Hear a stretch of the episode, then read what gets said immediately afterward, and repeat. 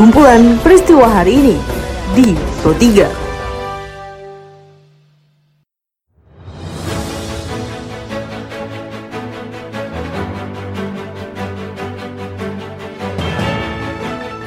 pendengar, saat ini Anda sedang mendengarkan kumpulan peristiwa Pro 3.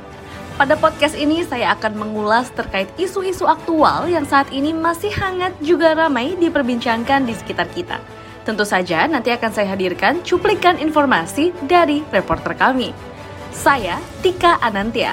Inilah kumpulan peristiwa Pro 3 di ruang dengar Anda.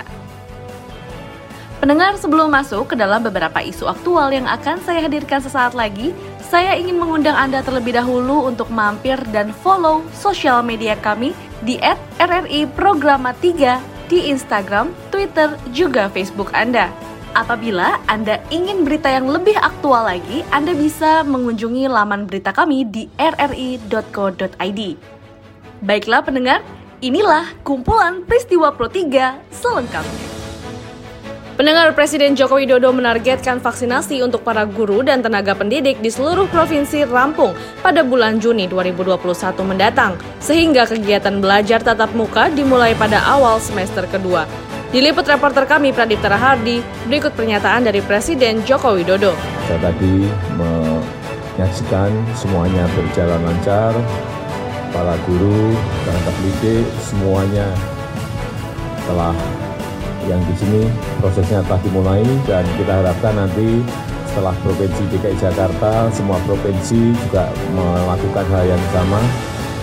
Karena uh, tenaga pendidik, kependidikan, guru ini kita berikan prioritas agar nanti di awal kedua pendidikan tatap muka bisa kita mulai lakukan. Dan targetnya pada bulan Juni nanti 5 juta guru, tenaga pendidik, dan kependidikan semuanya insya Allah sudah bisa kita selesaikan sehingga di bulan Juli saat mulai ajaran baru semuanya bisa berjalan normal kembali.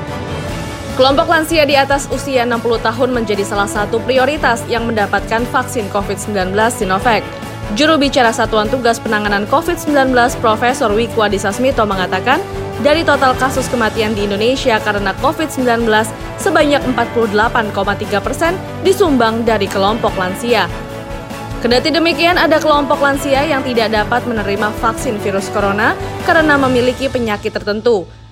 Berikut penjelasan dari Profesor Wiku Adhisa Smito mengenai kriteria lansia yang tidak mendapatkan vaksin harap menjadi catatan pula bahwa ada beberapa kelompok lansia yang tidak dapat menerima vaksin COVID-19, utamanya mereka yang memiliki paling sedikit 5 dari 11 penyakit ini, yaitu hipertensi, diabetes, kanker, penyakit paru kronis, serangan jantung, gagal jantung kongestif, nyeri dada, asma, nyeri sendi, stroke, dan penyakit ginjal.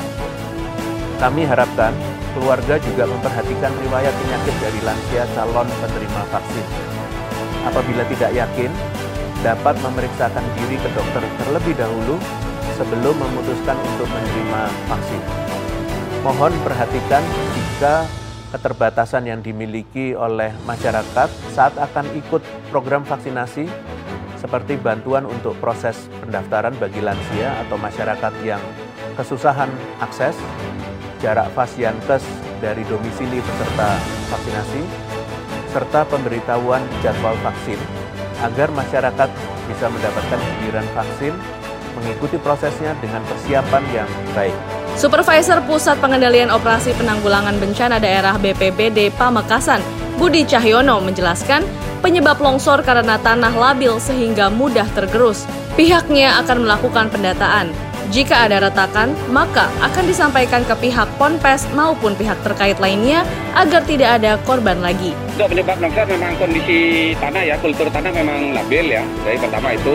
Lalu yang kedua, kondisi ini sudah tanah yang kita cek barusan sudah ada uh, titik jeduk, jadi untuk menampung air sudah tidak bisa.